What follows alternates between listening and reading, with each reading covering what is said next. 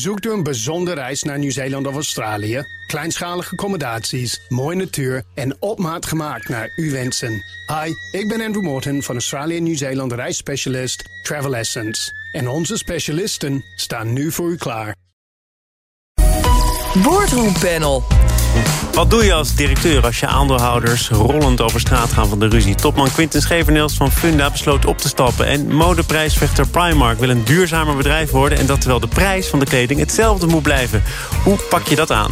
Ik bespreek het in het Boardroom Panel. Daarin zit Hugo Reumkes, partner en advocaat bij Van Doornen... voorzitter van de Raad van Toezicht van de Tilburg University... en Joost Smet, hoofd Sustainable Finance bij de VEB. Fijn dat jullie er zijn. Ja. Laten we dit panel beginnen in Limburg... want DSM heeft aangekondigd zich... Uh, enkel te gaan richten op voeding. En daar hoort bij dat de materialentak wordt verkocht. Ik pak meteen even het officiële bericht van DSM erbij... want je moet bij de bron beginnen. Daarin staat dat er zo wordt gekeken naar strategische opties... waaronder het vinden van een nieuwe eigenaar voor deze tak. Joost, um, is dat inderdaad de vertaling? We zetten het in de etalage en er meldt zich wel een koper?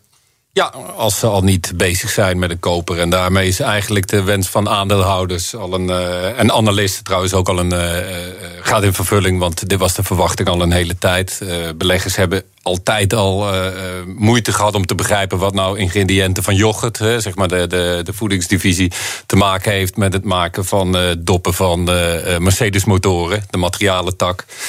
DSM dan kun je gaat... natuurlijk wel zeggen dat DSM zich door de decennia heen heeft ontwikkeld. Ja, en, en, sowieso wat verder, ver, weg, verder weggeraakt is van huis. Als je ja, ja, ja. en dit is, dit is misschien wel een soort uh, eindstation, in ieder geval voorlopig. Uh, waarbij men nog verder weggaat van het conglomeraat. Nog meer specifiek op één activiteit gaat richten. En dat, nou ja, dat zien beleggers wel zitten. Het is een laat inzicht. Beter gezegd, aandeelhouders hebben al lang... Hè, we hebben ook activistische beleggers gehad... die al lang zeiden van, dit moet gebeuren. Zijn een beetje, een beetje toch ook wel al onderdelen verkocht? Ja, maar niet die materialentak. Uh, daar is nog in mei, vroegen wij dan nog in de aandeelhoudersvergadering... vroegen wij uh, aan de CEO, een van de CEO's van DSM moet ik zeggen... van is, dit, is DSM nou de beste eigenaar voor die materialentak? En toen was het antwoord gewoon volmondig ja. Dat was vier maanden geleden. Ehm, dus ja, en het met, het, met het inzicht van nu zeg je, we zijn eigenlijk op een nette manier voorgelogen. Want ze vonden dat zelf ook al niet. Strategische opties die zullen uh, al lang op tafel hebben gelegen. En uh, nou ja, nu, uh, nu was het moment daar blijkbaar. Wens van de aandeelhouders verhoord. Hugo, is het logisch dat DSM nu echt definitief afscheid neemt van die conglomeraatgedachte? Ja, ik denk het wel. Als ik zo hoor, ook, uh, zit daar wel een gedachte achter. Wat, wat wel interessant is bij DSM, is dat het eigenlijk een bedrijf is dat zich voortdurend blijft ontwikkelen. Als je ziet dat het in de, de staatsmijnen begon en dat het uh, zich nu zo weer ontwikkelt, dat is wel knap, vind ik. Doet me een beetje denken aan de ontwikkeling bij Philips, waarbij uh, Philips ook op een gegeven moment een duidelijke keuze heeft gemaakt voor de gezondheidstak. Waarbij ik kan zeggen, ja, dan neem je afscheid van het grote conglomeraat. Maar door die focus aan te brengen in de strategie, zorg er wel voor dat het overblijvende deel winstgevender is en meer gefocust is. En dus ook weer toekomst toekomstbestendig. En dat zie ik eigenlijk ook wel. Ja, ja. Dat, dat, dat, conglomeraat dat is volledig uit de mode. Hè? Maar toch nog eventjes advocaat van de duivel... of advocaat van het conglomeraat spelend. Er zijn natuurlijk crisis denkbaar... waarin de ene divisie de andere moet redden... waardoor je toch als bedrijf overeind blijft. Hè? Dat is volgens mij altijd wel de gedachte geweest... dat je je niet al te zeer moet richten op één ding... want stel je voor dat het daarmee misgaat... dan ben je wel heel kwetsbaar. Ja. Dat geldt toch eigenlijk nog steeds? Nou ja, wat jij zegt is uh, bijna letterlijk wat de advocaat van Stork in de tijd heeft gezegd over de drie divisies. Hè. De, de, de een, als de een minder presteert, kan de ander het opvangen. Maar uh, ja, je ziet dat dat toch uiteindelijk niet duurzaam is. En, uh, en door een keuze te maken die echt wel gefocust is, zie je dat dat veel beter werkt. De aandeelhouders zijn er enthousiast over.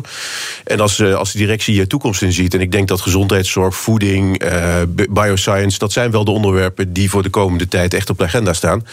En misschien die andere onderwerpen wat minder. Dus er zit ook veel meer potentie in die, uh, in die tak. Ja, en je zegt het heel goed, Thomas. Want we hebben in de, de coronacrisis gezien dat met name die materialentak, uh, die heel cyclisch is, hè, die erg op en neer gaat, dat daar uh, um, de mindere resultaten vandaan kwamen. En dat die voedingsdivisie, dat die overeind blijft, continue voor, redelijk voorspelbare resultaten geeft. Dus dat is een logische Dus die, die coronacrisis heeft eigenlijk de laatste tik uitgedeeld? Misschien wel. Misschien wel. Maar goed, er was al langer sprake van een, de, een, een winstgevendheidsverschil. De marges opvoeding was veel hoger dan op die materialen. En, en als de aandeelhouders hier al langer op aandringen, jullie zelf nog afgelopen mei. Um, wat heeft DSM dan zoveel tijd gekost? Heeft het er ook mee te maken dat er nu inderdaad twee nieuwe CEO's zijn... en dat de voormalige grote man, Fijke Siebesma... want dat was ook wel de grote man, hè, die leek veel te bepalen bij DSM... dat niet zag zitten, de verkoop van deze tak? Ja, dat, dat is altijd moeilijk in te schatten natuurlijk. Het is een man die goed benaderbaar is. Dus ik zou, ik zou jullie aanraden, nodig, nodig hem uit. Maar de, deze optie... gebruik om dan te zeggen, ja, ik ben daar weg... of ik ben daar hooguit adviseer... dus ik ga me nu niet meer in het uh, Zeker, maar, publieke debat mengen. Ja, nee, maar het, het, zal op tafel gelegen hebben. Alleen had hij andere prioriteit op dat moment. Was men bezig om inderdaad die voedingstak uit te breiden. Uh, nou, daar hebben wat, wat uh, activistische beleggers voor de deur gestaan... die dit, die afsplitsing van die materialen tak wilden. Nou ja, ga je daar dan op in, dan laat je je oren ook misschien hangen. Dat is ook nog iets. En nou is het zover en uh, nou, daar zijn we niet. Uh... En, en Hugo, toch nog even terugkomen op wat jij eerder zei. Hè? DSM dat zichzelf voortdurend opnieuw uitvindt en kijkt waar liggen de kansen en dan ook echt daadwerkelijk die richting in kan gaan.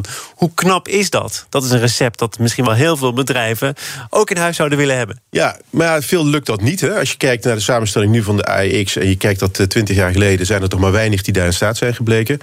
Ik trek hier altijd de parallel met popartiesten. Hè? Je kunt zeven jaar succesvol zijn, maar 14 jaar of nog langer, 21, dat is echt wel uniek. Want dan moet je jezelf steeds uitvinden. En dat zie ik bij DSM wel gebeuren. Ze hebben zichzelf wat opgeschud ook van Heerlen naar Maastricht te gaan. Dus dit past eigenlijk wel in die hele ontwikkeling. Een topman die echt succesvol is geweest, neemt afscheid. En twee nieuwe topmannen, of de, de, topmensen zeggen we dan, hè, die, uh, die, die, die schudden het weer op en die gaan duidelijke keuzes maken. En dat bedrijf dat staat er denk ik nu wel goed voor. Zou dat nou toeval zijn, die verhuizing van Heerlen naar Maastricht? Want volgens mij was het voorgenomen, maar mensen zien er toch ook een zekere symboliek in. Hè? Van Heerlen, de oude chemiestad, naar Maastricht kennisstad, echt een andere oriëntatie. Komt mooi uit. Het komt niet slecht uit. En als je nu ziet wat, uh, wat de keuze is geweest die nu wordt gemaakt, dan, uh, ja, dan zie je dat de hele zaak wat wordt opgeschud. En uh, dat is goed verklaarbaar. Wat denk jij dat, dat de belangrijkste verklaring is voor het feit dat DSM zich door de decennia heen voortdurend heeft kunnen ontwikkelen en met succes? Ja, in ieder geval dat men steeds intern heeft gekeken hoe het beter kan. Men heeft die innovatie vooraan gezet. En uh, de lange termijn vooraan gezet. Uh, durf getoond. Uh, en er zijn, de resultaten zijn natuurlijk steeds gekomen. Want de DSM-aandelenkoers is natuurlijk enorm omhoog gegaan. Uh, en dat is iets wat, wat knap is. Je ziet het niet bij veel bedrijven. Vaak zie je dat er een overname wordt gedaan in het buitenland. En op die overname wordt doorgebouwd. En dan word je een enorm uh, succesvol bedrijf. ASMI is daar bijvoorbeeld een, uh, een voorbeeld van. Uh, nou ja, dit is, dit is, dit, dit is knap, absoluut. Ja. ja krijg je er nou ook nog een hele goede prijs voor? Want het is duidelijk, DSM wil van deze materialen tak af. Zegt daarbij dat het niet per se volgende week hoeft te, te gebeuren... maar dat er ook liever niet jarenlang er nog mee opgescheept zit. Wat doet dat met de prijs? Ja, meestal over deze zaak, ik weet het niet met deze zaak, maar normaal gesproken breng je dit soort nieuws pas naar buiten als je als er al gesprekken zijn en je kunt die, de, de uh, vertrouwelijkheid van die gesprekken niet meer waarborgen, hè, dan moet je een bericht naar buiten brengen. Dus het zou me echt verbazen als ze nu zeggen van nou weet je wat, we brengen een bericht naar buiten en dan gaan we op het uh, Marktplein van Heerlen staan met een mooie brochure van de materialen. Deze is dus al in gesprek met gegadigden. Weet ik niet, maar het zou, mij niet, het zou mij niet verbazen als er in ieder geval zakenbankiers bezig zijn om te polsen wat, uh, wat de interesse is. Is dat inderdaad de gebruikelijke gang van zaken? Dat je dit naar buiten brengt op Ja, meestal is dit wel. Uh, ja, wat ik interessant ook vind aan DSM is dat ze echt wel een focus hebben op de lange termijn. Hè. Het is ook een van de weinige ondernemingen in Nederland die de loyaliteit van aandeelhouders op een gegeven moment uh, heeft geprobeerd te triggeren met een loyaliteitsdividend ja. en dat soort zaken. Ik snap dat daar ook discussie over kan zijn. Maar vanuit de gedachte dat je echt wel meerjarige dingen met elkaar zou willen doen en ook wil belonen nou, als je langer bij de vennootschap betrokken bent, dan is DSM daar ook een mooi voorbeeld van. Ja. Ja, zeker waar. Ja, ja, want ik, ik, ik leek het loyaliteits... te waarnemen. Nou, loyaliteitsdividend vonden wij een hele kunstmatige manier om aandeelhouders te binden.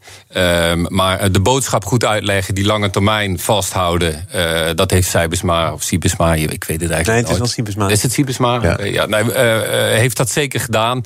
Hij heeft dat ESG echt in de onderneming gebakken en daar echt zijn nek wel uitgestoken. En daar ook duidelijk gezegd van luister, soms is er tussen uh, duurzaam, duurzaam handelen of uh, uh, rendement maken. Daar is wel eens een duivels dilemma. Zeven van de tien keer kom je eruit en bij die andere drie keer moet je een beetje marchanderen. Nou, dat is gewoon wel een eerlijk, het eerlijke verhaal, zou ik bijna zeggen. Over eerlijke verhalen gesproken. Volgende onderwerp. BNR Nieuwsradio. Zaken doen. Thomas van Zeil. Het boardroompanel is te gast Hugo Remkes, partner en advocaat bij Van Doornen... voorzitter van de Raad van Toezicht van de Tilburg University... en Joost Smets, hoofd Sustainable Finance bij de VEB. Hugo, ik leer jou steeds een beetje beter kennen. Zes kinderen, begrijp ik. Zo is het. Wordt er eh, flink gewassen? In, Nou, eh, steeds minder, hè? Dat is niet duurzaam. Dat is niet duurzaam, zeker niet als je kleding koopt van de Primark. Ja, nou ja, Koop- ik zag... koop je wel eh, eens in- kleding bij de Primark? Of Ja, ja, ja. Ik zag eh, in de berichtgeving zelfs dat eh, Prins Charles, die, want Primark is eigenlijk een Engels bedrijf, dat hij bekend staat dat hij in 40 jaar maar twee winterjassen heeft Eh, dus dat is pas echt duurzaam. eh. maar het is ook inderdaad interessant om te zien dat bij Primark er nu ook eh, het licht is gaan branden. En dat het verstandig is om kleding te produceren die niet na vijf keer wassen uit elkaar valt. Gaan nu naar 30 keer. Ik noem eventjes wat maatregelen op, want Primark wil het inderdaad anders gaan aanpakken. Kleding die 30 keer wassen meegaat, die te recyclen is op termijn. De CO2-uitstoot van de eigen winkel en de toeleveringsketen moet gehalveerd worden. Leefbaar loon voor iedereen. Boeren opleiden om andere productiemethoden te gaan leren en te gaan toepassen. Dat vraagt Joost misschien wel om een mega-investering. Ja, men doet, eh, men doet eh, eh, voorkomen dat dit niet ten koste gaat van de marge. En dat het effect, het, het, het financiële effect marginaal zal zijn. Ik, het enige wat ik uit kon afleiden, dat ze veel minder producten gaan weggooien. Dat ze meer gaan recyclen. Dat ze dus meer op dat soort gebieden. Misschien gaan ze in voorraden gaan ze wat zitten doen. Verder is een hoop eh, achterdocht mogelijk en cynisme. Maar op zich is het natuurlijk wel een, eh, een behoorlijke stap van een, eh, van een concern dat op dit punt behoorlijk onder vuur lag. En je ziet dat dan de druk, zelfs op dit soort grote jongens, toch wel groot wordt om iets te doen. Ja, de, de baas van Primark in de Benelux zei tegen het FD dat er een link is tussen lage prijzen en lage ethiek. Tenminste, dat is hoe het grote publiek ernaar kijkt. En we gaan daarover nu ook graag het gesprek aan. We moedigen iedereen aan om vragen te stellen. Toch nog even dat eerste punt, namelijk de link tussen lage prijzen en lage ethiek. Eh, heb je daar zelf ook last van? Denk je dat dat wel één op één aan elkaar te relateren is? Nee, ik denk het niet. Ik denk dat eh, het is een ander businessmodel. Maar lage prijzen wil niet zeggen dat de ethiek laag zal zijn. Eh, het omgekeerde is misschien wel zo dat als er hoge kwaliteit is, dan gaat het vaak wat langer mee. Maar ik denk dat eh Primark, eh, de keren dat ik er ben geweest, kreeg ik een keurig papieren tasje. Je hoeft je niet te verantwoorden. hoor.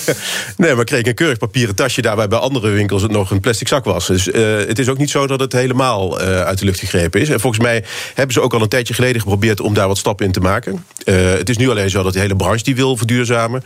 Er is natuurlijk in Engeland die discussie met Topshop, een andere concurrent, die, die dit misschien ook wel aanwakkert. Hè. Je kunt niet meer echt aan die, aan die onderkant alleen maar dingen produceren Nou, die. waarom kan dat eigenlijk niet? Hè? In, in de eerste periode na corona, toen de winkels weer open gingen, moest je een plaats reserveren in de Ja. rij voor de Primark. Dus ook al was er helemaal geen enkele sprake van welk duurzaam businessmodel dan ook, mensen stonden in de rij. Ja, maar juist daar zit het de grote winst ook. Hè? Dus als de massa op een gegeven moment meegaat in die verduurzaming... dan wordt het echt beter. Als die, als die marges maar heel klein zijn... omdat het eh afnemers zijn die, die, ja, die niet zoveel eh, invloed hebben op de markt... dan zie je dat niet. Dus ik ben er eigenlijk wel enthousiast over... dat nu die stap hier wordt gezet. Ja, maar snap je dat Joost eh, toch ook meteen benadrukt dat er enige wantrouwen wel mogelijk is? Want je wil het allemaal anders gaan organiseren en je wilt tegelijk, tegelijkertijd ontzettend concurrerend blijven, je prijs niet verhogen. Ja, het moet uit de lengte of de breedte komen. toch? Ja, ja ik zou als ik in, in India of Bangladesh zit... eh, zou ik me wel wat zorgen maken. Want ergens moet inderdaad die marge wel vandaan komen. De, de productie zal daar eh, toch steeds kritisch worden gevolgd. eh. Wat denk jij? Lage, la- la- lage prijzen, lage ethiek, dat, dat, die link zie ik ook niet. Maar ik denk wel dat die lage prijzen vanwege de massa gewoon de ethiek kan veranderen. Hè, Ik bedoel, als dit soort grote jongens gaan schuiven. En ze worden misschien ook wel gedwongen om mee te schuiven. Je ziet Inditex en Hennis Maurits, die doen het ook. Mensen zijn daar bewuster mee, eh, mee bezig. Als dit soort partijen schuiven, dat is wel iets. En dat, dat, eh, dat zal niet allemaal van een leien dakje gaan. Maar dat gaat natuurlijk die keten in. En daar, daar blijft iets hangen. En ja, ik neem aan, dit is druk van buitenaf. En die druk zal blijven. En die zullen ze blijven voelen. En volgens mij is dat wel een goede En hoe, hoe rapporteer je dit? Want eh, Primark zegt zelf, we hebben een externe accountant gevonden... die gaat de voortgang meten. Eh, in het FD nogmaals stond een duurzaamheidsexpert... iemand die was gepromoveerd op duurzame kleding, Natasja van der Velde... en die zegt, je kunt met deze doelen alle kanten uit. Volgens welke methode ga je rapporteren? Het is zo vaag dat het voor de buitenwereld ontzettend moeilijk is... om dit soort beloftes ook echt daadwerkelijk te verifiëren. Eh, denk je dat je er makkelijk een loopje mee kunt nemen? Dat, uh, de, de praktijk geeft nog ruimte om, uh, om daar uh, te arbitreren, je eigen doelen te kiezen. Maar daar is Primark niet uniek in. Hè. Dat zien we ook in de beursgenoteerde wereld. We zijn gewoon nog op zoek naar standaarden. er zijn manieren om te bukken als bedrijf, om te proberen onder dingen uit te komen. Om die, nou, dat is juist in die modewereld wel aan Ja. de orde van de dag. Hè. De ACM heeft ook aangekondigd daar extra onderzoek naar te gaan doen. Ja. Want er worden wel heel veel etiketten, predicaten op Ja. bedrijven en kleding geplakt... die misschien niet helemaal voldoen aan Ja. ja, wat dan wordt beweerd. Ja, maar ja, wij denken toch dat de wal daar het, het schip gaat keren. Als je ziet hoe die, eh, eh, hoeveel die kledingmaatschappijen of die, die kledingproducenten weggooien aan kleding. Als in dit tempo doorgaat, dan gaat een CO2-footprint in de komende jaren 50% omhoog. Nou ja, met alle maatregelen die er komen, dan ga je het wel merken aan je, aan je, aan je winst. Dus dit is ook gewoon een vlucht vooruit. Daar kan je Wat denk jij, Hugo? We hebben het natuurlijk op deze plek heel vaak gehad... over hoe je dit rapporteert, de rol van accountants. Die, er wordt er nu een externe accountant aangesteld. Ja. Heeft hij goed zicht op de zaak, denk je? Nou, ik denk wel dat die standaarden die hebben nog echt wel wat eh, verbetering nodig. Maar ik denk ook dat eh, de markt nu zo is dat greenwashing, hè, alleen maar voor de marketing zorgen dat dit beter wordt. ja, dat je wordt moet sowieso niet te veel wassen bij. Primark... want voor je het weet is het kapot. Ja, ja dat dan moet je niet wassen. Dat is Nee, heel duurzaam. eh. Ja. Nee, maar ik denk dat de markt dat eh, genadeloos afschaft. Zeker als, als Primark zich nu zo aankondigt in de markt dat ze dit willen gaan doen. En het blijkt uiteindelijk toch meer een marketingstunt te zijn. Ja, dan ben je uitgeteld. Dus dat zal het zeker niet zijn. Tot slot naar iemand anders die eh, zo goed als uitgeteld is. In ieder geval iemand die besloten heeft eh, te stoppen bij Funda. Geldt namelijk voor de directeur, de topman, Quinten Schevernels... ook lid van ons ondernemerspanel. Eh, hij ziet het niet meer zitten vanwege voortdurende onrust... tussen de aandeelhouders die een andere kant op willen. De grote aandeelhouder, we hebben dit eerder besproken... is de Nederlandse Vereniging van Makelaars, ook de oprichter van Funda. En die willen het eigenlijk graag... bij het oude houden. Hè. Funda draait lekker. Het is voor makelaars ook een eh, manier om, om goed te verdienen. En er is een andere club aandeelhouders die zegt... nou, een grote investeerder of een andere grote aandeelhouder... dat zorgt ervoor dat wij kunnen cashen... maar ook dat Funda meegaat in de vaart der volkeren. Eh, zag je aankomen dat, eh, dat dat ook slachtoffers zou kunnen eis- eisen... in het geval nu van de directeur? Nou, wat hier in ieder geval opvalt, is dat, eh, dat er een, twee dingen ehm, juridisch gezien relevant zijn. In de eerste plaats, de, een aandeelhouder mag ongegeneerd zijn eigen belang nastreven. Maar uiteindelijk gaat het in de strategie over wat het bestuur eh, doet. Hè. Dus het bestuur gaat over strategie onder toezicht van de Raad van Commissarissen. En, en wat, wat in deze zaak opvalt, is dat eh, een van de aandeelhouders, de grote aandeelhouder, zich nogal met die strategie bezighoudt. En dat je daar wat ongemakkelijk van wordt als bestuurder, daar kan ik me van alles bij voorstellen. Eh, Had je dat kunnen inschatten? 90% van de aandelen in handen van de NVM, meen ik? Ja, want eh, uiteindelijk is het toch zo dat, eh, dat er veel zaken zijn waar deze discussie voor de rechter al eens een keer is uitgevochten. En de rechter heeft dat denk ik vrij duidelijk neergezet, dat, dat het bestuur dat moet doen. Het is zelfs al zo dat, eh, dat zelfs de commissarissen zich daar eh, zeg maar in het proces mengen, maar, maar, maar niet actief met die strategie. Dat is echt aan het bestuur. En op het moment dat dat niet lukt, dan kan ik me voorstellen dat een bestuurder daar zijn consequenties aan verbindt. Joost? Ja, wat bij Funda gewoon, en jullie hebben het er vaker over gehad, begreep ik Hugo.